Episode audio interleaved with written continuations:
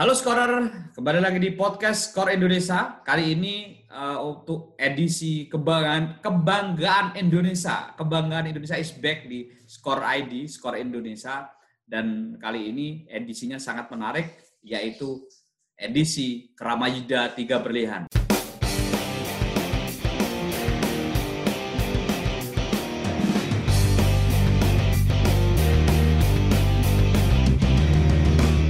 Kali ini di podcast Skor Indonesia menghadirkan uh, pelaku sejarah atau orang yang berada di uh, suksesnya Kramayuda Tiga Berlian ketika uh, di mereka mampu berada di peringkat ketiga Asian Club Championship. Jadi Asian Club Championship adalah cikal bakal dari Liga Champion Asia atau kompetisi antar klub tertinggi di Asia dan di tahun 1986 Kramayuda Tiga Berlian sebagai wakil Indonesia berhasil menjadi tim berada di peringkat ketiga dan ini adalah prestasi terbaik klub Indonesia di level teratas Asia. Dan kali ini saya akan berbicara dengan jurnalis senior, inspirasi saya, Pak Nigara, Pak Fude Nigara, yang menjadi satu dari empat orang peliput Kramayuda Tiga Berlian ketika berada di posisi ketiga di Asia di era itu seperti apa sih gambaran liputan? Kalau sekarang kan internet gampang, ngirim berita gampang. Kalau di era itu seperti apa ya. liputan?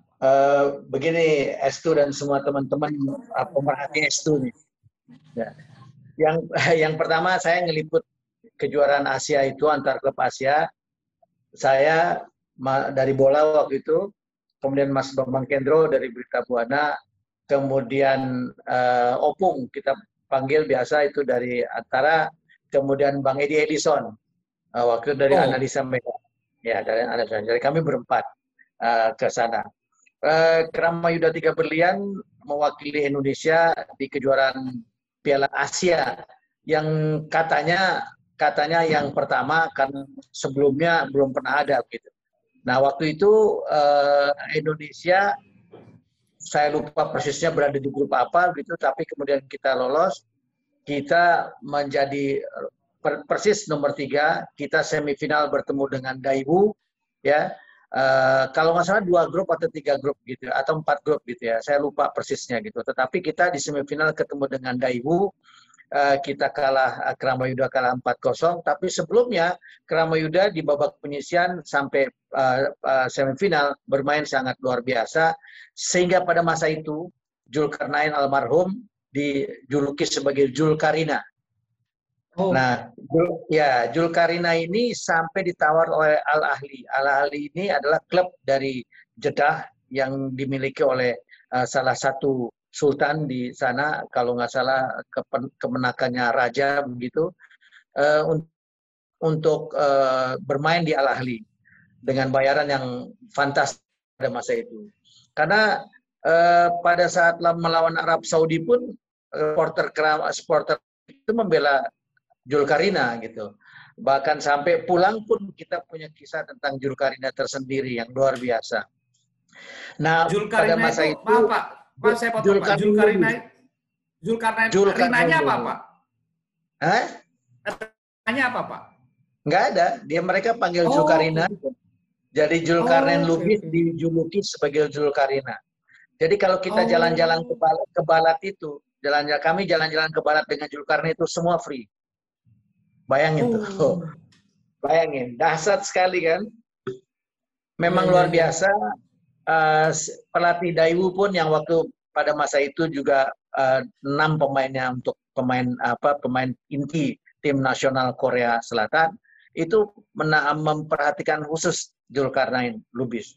Jadi Julkarnain ini memang sangat luar biasa karena pada masa itu di sana nggak ada ya kita tahu lah para pemain suka minum kan di sana nggak ada yeah. minum gitu macam-macam kan di sana nggak ada macam-macam jadi Julkarnain itu betul-betul bermain bola yang sangat luar biasa nah, jadi Kramayuda nomor tiga tapi Julkarnain satu nah itu itu untuk orang Arab Saudi sampai kita pulang pun pada saat kita ngantri di di apa namanya di imigrasi itu stuck.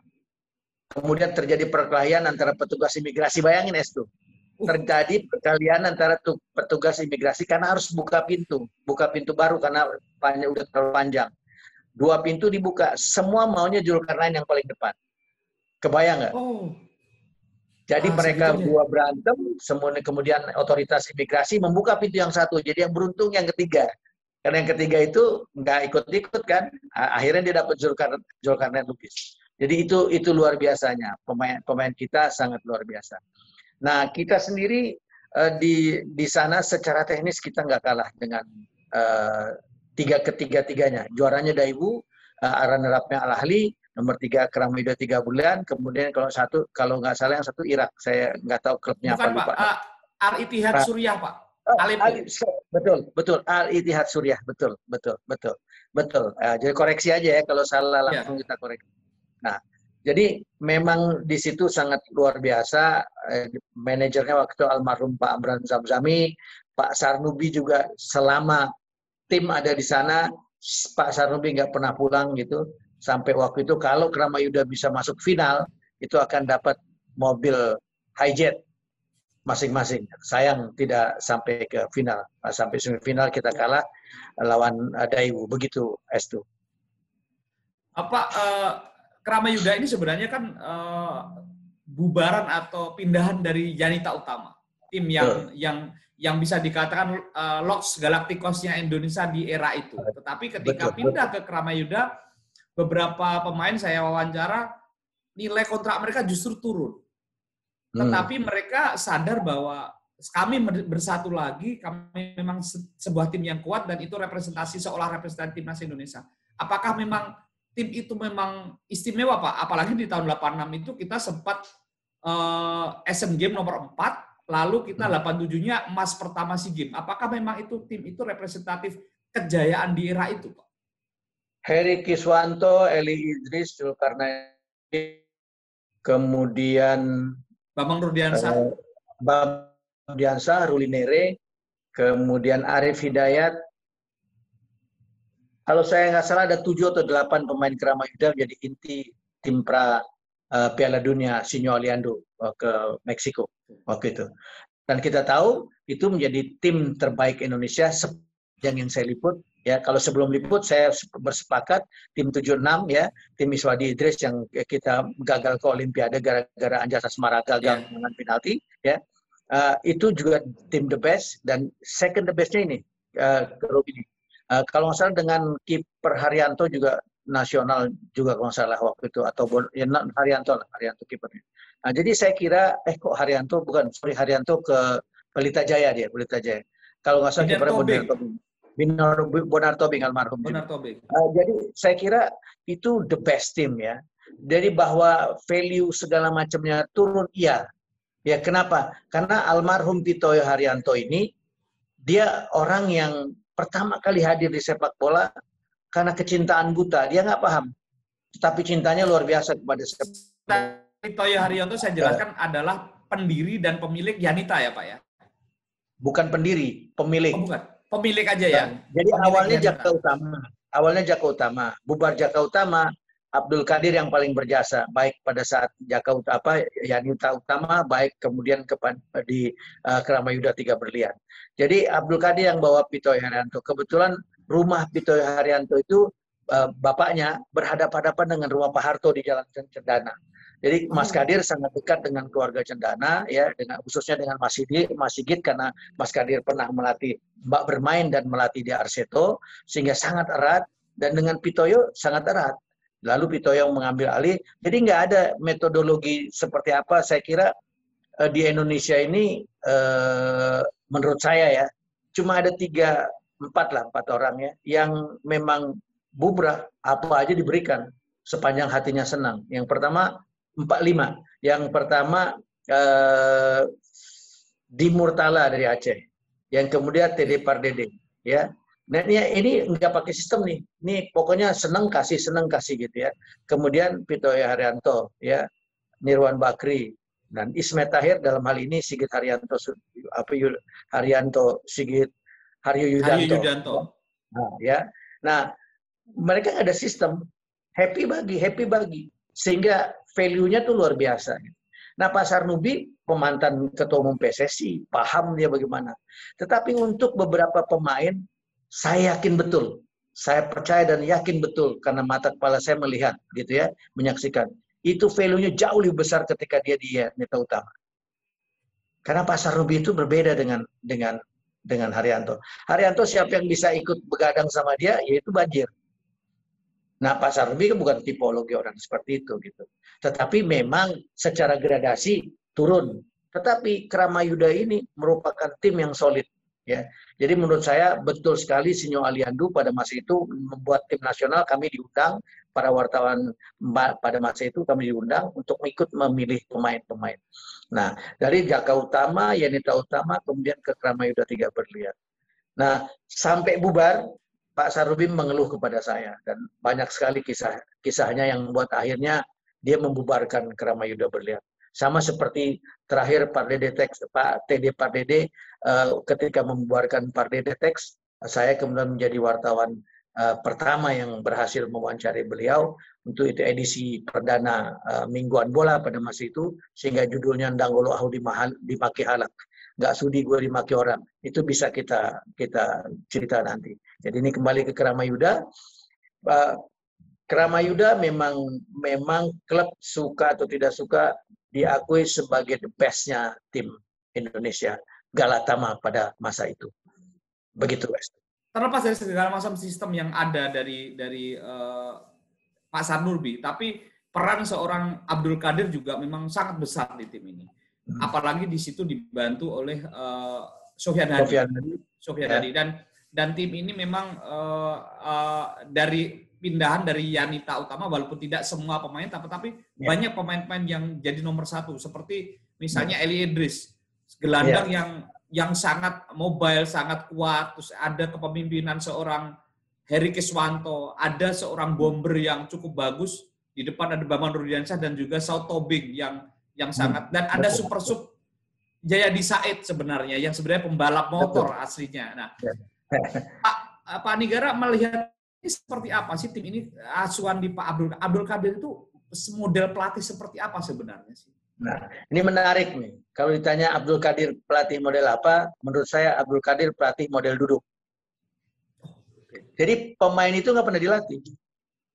Ya, nanti ketemu Bang Tumpak Sihite, jadi mereka tiga sebetulnya, Abdul Kadir, Sofian Hadi, dan Tumpak Sihite. Ya, nah ketika Bang Tumpak dat datang terakhir, dia datang yang terakhir, tapi waktu ke Arab saya pikir nggak ikut Bang Tumpak itu, uh, baru ada latihan fisik. Mas Kadir itu datang dengan dengan apa namanya Sofian Hadi, sama-sama almarhum dua-duanya, datang ke lapangan di uh, di Bea Cukai, datang duduk Pemain dikasih bola, suruh main sendiri aja. Saya awalnya bertanya, loh kok kayak gini? Oh ini pemain ini sederhana. Nggak perlu dilatih lagi karena kualitasnya udah cukup. Jadi kalau mau main cuma dibilang, satu gol, satu juta. Ah, mereka ke kegilaan. Main bolanya gila sekali. Nah, modelnya seperti itu. Jadi kalau model apa Mas Kadir latih? Ya model duduk. Karena dua-duanya langsung duduk. Kalau saya ada pagi-pagi, biasa habis nganter istri saya ke kantor, saya mampir ke situ, Kemudian saya duduk, saya ngobrol Mas Kadir bertiga sama Sofian Hadi sampai bubaran latihan. Nah gitu. Jadi karena sudah kualifikasi pemain-pemainnya itu sudah luar biasa, menurut Mas Kadir, meskipun tentu kalau pakai pakem zaman sekarang nggak benar gitu ya kan. Tetapi faktanya memang seperti itu. Jadi Kramayuda ini sama dengan warna agung di era Galata pertama. Mau menang berapa, tinggal ngomong. 10-0, 10-0. Gitu. Jadi nggak bisa dimacam, enggak memang mereka the best. Sudah suka. Itu diakui atau tidak diakui. Bahwa kemudian mereka juaranya kalau nggak salah cuma dua kali, ya karena maunya cuma dua kali. Okay. Gitu. Kalau mau tiga kali, sepuluh kali bisa. Cuma maunya dua kali. Sama dengan warna agung. Warna agung semua the best player semua ada di warna agung. Ada Ruli segala macam. Kok juaranya cuma satu kali, pertama aja. Ya dia maunya cuma satu kali. Nah, saya nggak mau ngembangin itu ya. S itu mudah-mudahan paham lah ya. ya. Maunya cuma satu kali, ya satu kali sudah gitu. Itu. Begitu S itu. Ya, Pak Digara, di di empat besar Asian Club Championship kita kembali ke ke Jeddah itu hanya dua tim memakai pemain asing, dua tim tidak memakai pemain asing. Dan hmm. kita kebetulan kalah dengan tim yang tidak pakai pemain asing yaitu Daewoo, tetapi kita hmm. menang di perebutan peringkat ketiga dengan Al Ittihad Aleppo Suriah yang memakai pemain hmm. asing. Sebenarnya di era itu terlepas dari kita memang tadi yang dikatakan Pak uh, negara the best team ini dan ada banyak unsur yang bagus, leadership, bomber, uh, gelandang bagus dan juga Zulkarnain Lubis. Bagaimana sih kekuatan sepak bola Arab Saudi waktu itu di Arab sampai seorang Zulkarnain Lubis itu menjadi menjadi kayak menjadi ikon di di era itu. Gitu. Seperti apa sih Pak Uh, uh, saya kalau nggak salah Arab Saudi itu kapten Al Ahli itu kaptennya namanya Amin Dabu. Amin Dabu itu adalah orang Mesir yang kemudian jadi warga negara Arab Saudi. Ya, dia juga dia juga pemain pemain baik. Bahkan di Jazirah Arab dia terhitung pemain yang diperhitungkan gitu ya. Uh, tetapi secara secara kalau nggak salah dia dipelatih pelatih Brazil. Jadi permainannya itu mirip dengan permainan kita, main bola-bola pendek gitu, dengan main-main teknik yang tinggi gitu ya. Berbeda dengan Daewoo, Daewoo tuh main panjang pendek kemudian dia hard work kerja keras betul dia main apa dengan apa penetrasi yang dalam kita enggak gitu kita main dengan pola teknik kadang-kadang kita apa pelan-pelan pelan menusuk pelan-pelan pelan menusuk itu jadi memang uh, tipologi permainan kita dengan Arab Saudi itu mirip tetapi Julkarnain punya eksplorasi yang sangat luar biasa. Saya juga, saya kenal Julkarnain itu dari junior, gitu, ya dari junior. Saya belum pernah ngeliat Julkarnain itu main sehebat itu. Gitu. Saya sampai sampai setiap bis pertandingan, Jul, lu nih kalau mau jadi pemain bintang bisa nih Jul di Asia, bukan cuma di Indonesia. Dia cuma ketawa aja, gitu. Saya nggak mengembangin di balik Julkarnain itu apa, gitu ya. Saya dia cuma ketawa. Julkarnain sampai waktu saya kemudian peliput juga uh, Dunia di Korea yang kita kalah lawan Korea Selatan uh, 2-0 di uh, Seoul dan 4-1 di Jakarta kita kalah itu perhatian uh, uh, pelatih Kim Jong Nam pelatih nasional Korea Selatan itu Julkarnain Lubis bukan Bambang Nurdiansyah gitu loh kenapa karena mereka tahu mematikan Bambang Nurdiansyah gitu. Tetapi mematikan Zulkarnain sulit. Kenapa? Karena di pergerakannya sangat luar biasa. Nah, cuma sekali lagi, saya nggak mau bilang ada apa di balik itu, kita kalah. Padahal kita dua menit dua punya peluang 10 menit pertama dua peluang kita masing-masing Zulkarnain dan Bambang Nurdiansyah tapi itu semua tidak jadi gol. Saya juga nggak ingin ngembangin apa-apa karena saya bangga dengan tim itu ya. Meskipun kita gagal ke Piala Dunia uh, Meksiko 1986, saya bangga betul dengan uh, tim uh, di bawah Om Sinyo uh, pada masa itu. Jadi itu itu menurut saya juga tim the best gitu. Kita ini sebenarnya se secara teknik pemain-pemain kita ini dari mulai zamannya Iswadi Idris sampai yang saya akhir yang saya lihat ya bukan kalau sekarang saya nggak nggak touch langsung gitu saya di lapangan langsung. Sampai dengan tim tahun uh, Kurnia, Kurniawan Yulianto uh, Kurniawan Yulianto sampai dengan di situ saya kira sebetulnya kita bisa tampil ke Piala Dunia. Hanya saja nggak mau. Menurut saya loh. Mohon mudah-mudahan yeah. saya salah dan saya keliru. Gitu. Ya siap siap Pak, kalau kalau melihat di tim itu uh, sangat komplit ya. Kita ketepikan dulu Zulkarnain Lubis. Di situ ada namanya Eri Keswanto, pemain yang punya leadership yang sangat kuat dan perannya uh, sebagai dia tidak hanya sebagai pemain yang yang disiplin di, di lapangan, tapi disiplin di luar lapangan.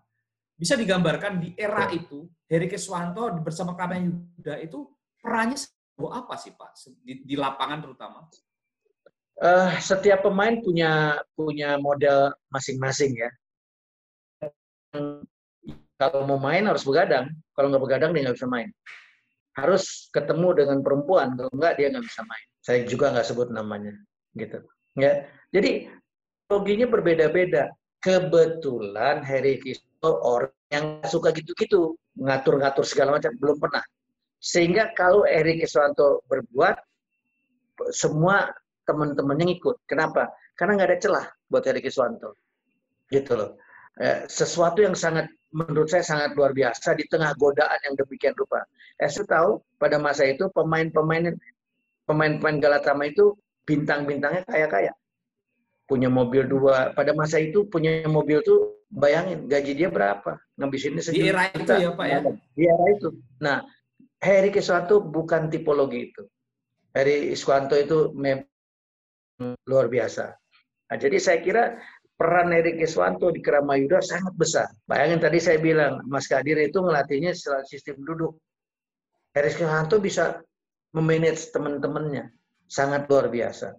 Bahkan di tim nasional pun dia jadi apa namanya jadi inti dari Sinyo Aliando. Begitu Estu. Ya, sedikit uh, saya jeda sedikit. Yang pasti Kramayuda ini uh, terlepas dari Kramayuda ini akhirnya tahun 91 selesai bubar, kita mampu dan bisa kok ke level yang terbaik, ke level tertinggi. Piala dunia misalnya. Tetapi kalau kita tidak pernah belajar ke belakang, tidak pernah menengok ke belakang, artinya itu tidak akan ada motivasi tambahan. Ketika sekarang mungkin sepak bola kita sedang tidak bagus, kita pra Piala Dunia hanya menang, tidak pernah menang di eh, 2000 eh, pra Piala Dunia 2022 Qatar. Tetapi ketika kita belajar, apakah ini bisa jadi semangat? Pasti bisa. Karena orang dulu bisa melakukan, orang sekarang pasti juga bisa melakukan. Nah, kembali lagi ke Kramayuda. Pak Nigara, uh, melihat ke belakang, melihat Kramayuda, tim yang yang cukup, yang harus dibanggakan lah, apa pun itu, walaupun itu di masa lalu ataupun itu beberapa tahun yang lalu harus harus dibanggakan.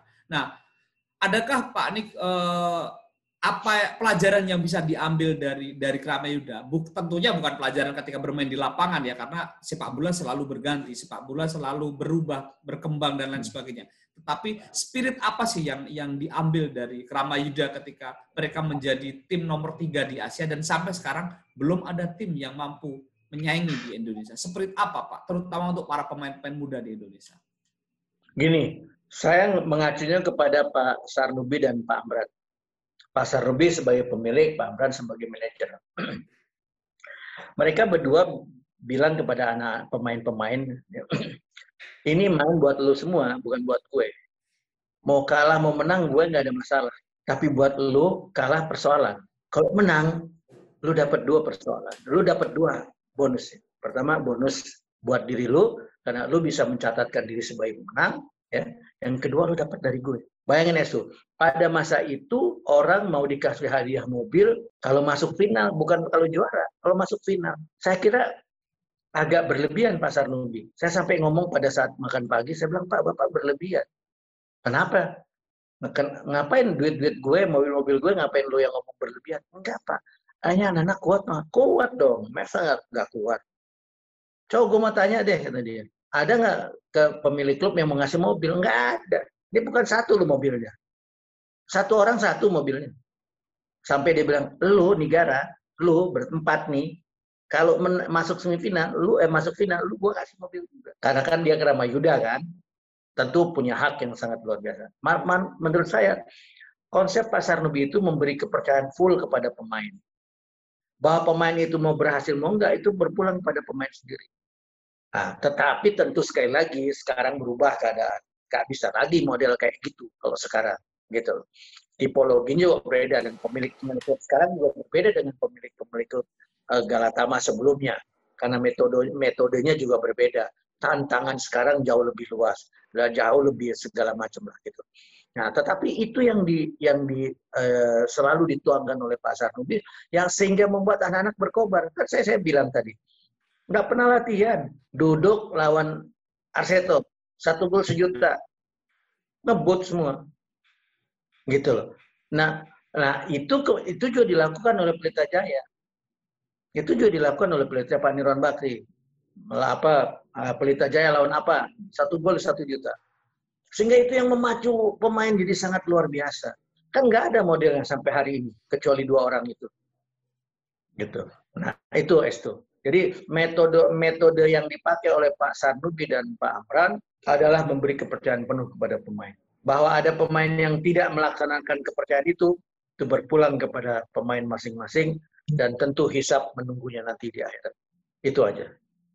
Ya, Pak, tapi terlepas dari Pak Sanubi dengan konsep seperti itu atau pengurus lain konsep seperti itu, si pemain kan punya tanggung jawab berarti dia pasti akan melipatkan latihan. Nah, setahu Pak uh, Negara, model-model latihan anak-anak atau pemain-pemain ini seperti apa sih Pak? Apa pemain-pemain waktu itu walaupun mereka uh, Abdul Kadir konsepnya seperti itu, tapi secara per individu pasti kan punya punya sesuatu yang berbeda, misalnya menambah latihan atau uh, atau seperti apa konsepnya Pak waktu itu untuk per individu misalnya Heri Keswato seperti apa, Bambang Nurdiansyah seperti apa, waktu seperti apa Pak waktu itu? Enggak ada. Kalau di mes mereka tidur aja udah. Kalau nggak tidur main-main. Dulu belum ada game kan, game pakai HP kan nggak ada karena belum ada HP. Kalau ada game pakai HP, saya kira Kerama Yuda semua isinya game semua. Nggak ada mereka nggak sama, sama. Memang karena di klub-klub sebelumnya mereka ditempa begitu rupa, sehingga datang ke Kerama Yuda udah full. Oke. Okay. Paling timbang badan, pagi timbang badan, wah keberatan nih. Nah, dia dia sendiri aja, saya nggak tahu metodologinya apa. Pokoknya kalau saya datang ke Mes Keramayuda, saya lihat mereka duduk-duduk, tidur-tidur, ngobrol-ngobrol. Saya datang ke lapangan, mereka main-main bola, nggak keru-keruan gitu kan. Wah, tapi kalau di lapangan bertanding, menangan. Nah, gitu itu itu memang konsepnya apa ya kontradiktif jadi dengan dan itu nggak mungkin bisa diterapkan oleh klub-klub lain. Hmm. Begitu ST. Jadi emang Kramayuda ini menurut sangat unik, unik banget gitu. Termasuk pemiliknya unik banget. Gitu. Ini mungkin pertanyaan terakhir Pak Dik. Uh, sebagai Pak Dik sebagai seorang jurnalis dan uh, apakah liputan di Jeddah dengan untuk Rama Yuda ini apakah salah satu yang terbaik atau paling membanggakan dari Pak Dik? Terlepas dari Pak pernah ke Piala Dunia, pernah dapat fotonya Maradona dan lain sebagainya, tapi apakah ini ini kan ini kan proximity-nya sangat dekat. Hmm. Ketika Piala Dunia kan meliput orang negara lain, ini negara sendiri. Seperti apa sih Pak? Eh, bisa mungkin Pak Dik bisa berbagi. Ya, yang pertama memang persoalannya berbeda ya. Kita meliput sebagai jurnalis murni dan kita meliput sebagai jurnalis bagian dari event. Nah, pada saat di Arab Saudi di Arab Saudi kita ini kita bagian dari event. Ya, uh, Esu tahu barangkali belum pernah kita sepanjang saya sepanjang jadi beda sama Esu nih, sama teman-teman yang wartawan sekarang pasti beda. Saya dulu tuh kan pakai mesin tik, nggak ada komputer, pakai mesin tik kirim pakai fax. Ya, kemudian kirim foto, pertandingan kirim karena kebetulan saya bukan harian, jadi saya lebih mudah datang ke airport. Eh, nggak perlu di airport karena di hotel sudah ada orang-orang yang di, diperintahkan oleh duta besar untuk membantu kirim ke airport, airport kirim. Jadi paling slip dua hari lah foto sudah sampai di redaksi. Nah, tetapi memang punya keindahan-keindahan tersendiri meliput uh, kejuaraan Asia ini. Misalnya gini, ada 10 orang terkaya di Arab Saudi. Semua bertanggung jawab atas tim masing-masing. Jadi pada saat tim itu datang, ya 10 tim ini ditampungkan kalau nggak salah semua 12 tim deh kalau nggak salah ya. Kalau saya saya nanti koreksi deh kalau saya lupa. Ya. Uh, kita ini dapat dengan keluarga Buksan. Buksan ini orang terkaya nomor 8 Arab Saudi. Punya lapangan bola di rumahnya. Bayangin. Karyawannya itu 6.000 empat apa tiga ribu dari Jawa Barat, tiga ribu dari Madura, nggak ada dari orang lain, cuma itu aja. Tiga ribu orang Jawa Barat itu rata-rata orang Sukabumi, kemudian tiga ribu orang Madura, cuma itu aja, nggak ada lagi yang lain. Ya, kita jadi dijamu oleh mereka bertanggung jawab. Kita nggak ngeluarin uang untuk kendaraan, kita nggak ngeluarin uang untuk makan. Semua dijamu oleh. Setiap hari latihan di situ layak bukan seperti mau turnamen. Jadi datang ke situ bertanding lawan anak-anak Madura, anak-anak Sukabumi, gabungan mereka lawan klub itu. Setiap hari pulang, setiap hari pulang, ya dikasih bingkisan dan bungkus karpet, gulung karpet. Setiap pulang gulung karpet, karpet karpet itu kayak sajadah gitu, kayak sajadah, tapi bukan sajadah. Gulung karpet, dikasih tas, isinya 200 dolar setiap pulang. Kebayang nggak? Nggak kebayangan gitu. Dijamu oleh keluarga itu menjadi tamu dari keluarga itu, tanggung jawab keluarga itu disiapin kendaraan, siapin makan, siap segala macam. Ya, bahkan supporter kita pun dari situ. Seribu orang setiap pertandingan dari kerakan oleh oleh Buksan. Di Buksan itu kalau saya nggak salah penguasa parfum di Jazirah Arab keluarganya.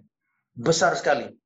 Bayangin S2, orang punya rumah, punya lapangan bola. Ah, coba itu bayangin. Iya, iya, iya, iya, ya, Pak. Ah, bayangin. lapangan bola di sisi-sisinya itu kebun binatang. Nggak, nggak ada. Dan luar biasa. Dan Buksan merasa bahwa itu bagian dari mereka. Jadi memang Arab Saudi itu pertama kali kalau nggak salah jadi dan karena itu yang baru pertama ya. Jadi tuan rumah yang sangat luar biasa menurut saya. Nggak ada kesulitan yang dilakukan yang saya alami Mas Bambang alami, Opung alami, kemudian Bang Edi Elosion alami, nggak ada, nggak ada. Kita nginep di hotel bintang 5, uh, eh, kalau makan pagi, makan siang, makan malam, pulang tuh balik ke kamar bawa gerodolan makanan, nggak diomelin. Karena emang semua buksan yang tanggung. Nah, kebayang nggak itu indahnya liputan itu. Jadi sangat spesial. Nah, berbeda dengan saya Piala Eropa 90, 94, eh Piala Dunia 90, 94, kemudian Piala Eropa di Swedia, beda sekali. Beda sekali. Tetapi dari segi liputan, dari segi liputan sesungguhnya, ya Piala Dunia dan Piala Eropa itu yang the best. Menurut saya. Ini ini pendapat pengalaman saya lah. Tapi di situ saya di Arab Saudi dalam liputan uh, Piala Asia, saya menemukan keindahan-keindahan yang sangat luar biasa. Es itu belum pernah datang ke pasar, yang tadi saya bilang, datang ke pasar kita mau apa aja gratis. Asal ada julkarnya bis. Julkarina, julkarina, sini bebas, bebas ambil, boleh ambil. Kebayang nggak? Nah, ini bukan omong kosong, ini faktual. Jadi kita datang ke Balat itu, dulu namanya Balat, uh, mungkin pasar kayak Blok M gitu. Kita nyari apa aja.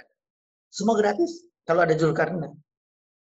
Dan jadi rebutan. Nah itu nggak nggak akan ketemu lagi ada pemain Indonesia di perlakuan seperti itu. Dulu Sucipto Suntoro. Jadi pada zaman saya baru-baru pertama kali ke ASEAN gitu, ke Singapura, ke Malaysia, ke Thailand, bahkan ke India dan ke Bangladesh, waktu saya bilang dia tanya sama sopir taksi where you come from Indonesia ah Sucipto Sucito Suntolo. Ah, kan kita bangga. Bangga nggak? Ah, naik taksi pun diskon 20% gara-gara Sucito Suntoro. Ah, nggak, nggak akan kita alami lagi. Nggak akan kita. Karena kenapa? Dulu juga kan uh, media ini kan terbatas. Orang nontonnya juga terbatas. Kita nonton, saya waktu kecil nonton piala sepak bola Piala Dunia itu pembukaan dan penutupan. Itu TVRI yang jamnya jam 00 sekian dan itu di rumah tetangga. Dikeluarin TV-nya nonton bareng-bareng. Ya. Sehingga orang nggak banyak gambarannya. Orang gambaran ke tahun 90 ada pertanyaan hebat mana Pele sama Maradona? Nggak nggak susah tuh orang jawabnya Maradona. Kenapa?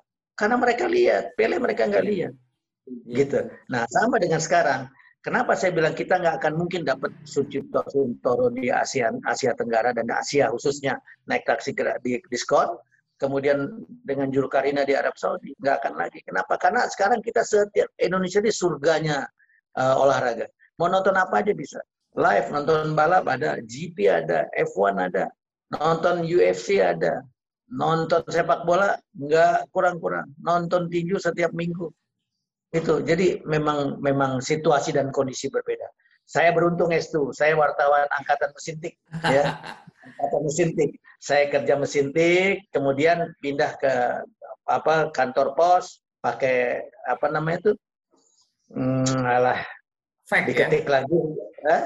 Belum, belum fax. Belum. Telex, Pak. Telex, telex, pakai telex. Nah, telex. Kemudian setelah itu muncul fax, kirim pakai fax foto dari modem ya dari ngirim apa manual ke airport sampai modem. Kemudian okay. sekarang pakai HP aja selesai. Zaman dulu S2 saya nih dengan teman-teman seangkatan saya ya datang ke satu tempat event di mana pun di daerah maupun di luar negeri datang pertama kali presenter. Yang kedua di mana FedEx itu? Kalau sekarang FedEx mungkin apa tuh? Apa apa ya, uh, ekspedisi ya pak ya? ekspedisi Kemudian okay. ke airport. Mana yang lebih cepat? Nah, gitu. Jadi itulah. Jadi satu hari kita boleh nih ngebahas wartawan angkatan mesin tik gitu. Oke, okay, siapa? Yang pasti hmm. uh, ini ini sudah waktunya sudah hampir habis. Yang pasti terima kasih Pak Digara. Kalau ini nanti uh, yang pasti buat scorer semoga terus dengerin podcast kami. Yang pasti ini akan menarik dan Kebanggaan Indonesia akan selalu menghadirkan sesuatu yang menarik dan Pak Nigara pasti akan bercerita yang lain lagi termasuk generasi mesin tik. Terima kasih buat skor telah mendengarkan podcast Skor Indonesia yang pasti akan banyak inspirasi yang kita ambil dari cerita menarik Bapak Mahfudin Nigara tentang sukses Kramedia Tiga Berlian dan liputan beliau di era-era sepak bola tahun 80-an yang pasti kebanggaan Indonesia akan selalu hadir untuk kita semua dan semoga menjadi inspirasi yang pasti terima kasih semua yang sudah mendengarkan dan terus tunggu dan terus dengarkan podcast dari Skor Indonesia dan juga laporan khusus kebanggaan Indonesia edisi Kramedia 3 Berlian. Ada juga video di YouTube kami, di YouTube Skor Indonesia dan juga klik tulisan-tulisan kami, laporan kami, ulasan kami di Skor ID. Terima kasih dan semoga menjadi baik untuk kita semua.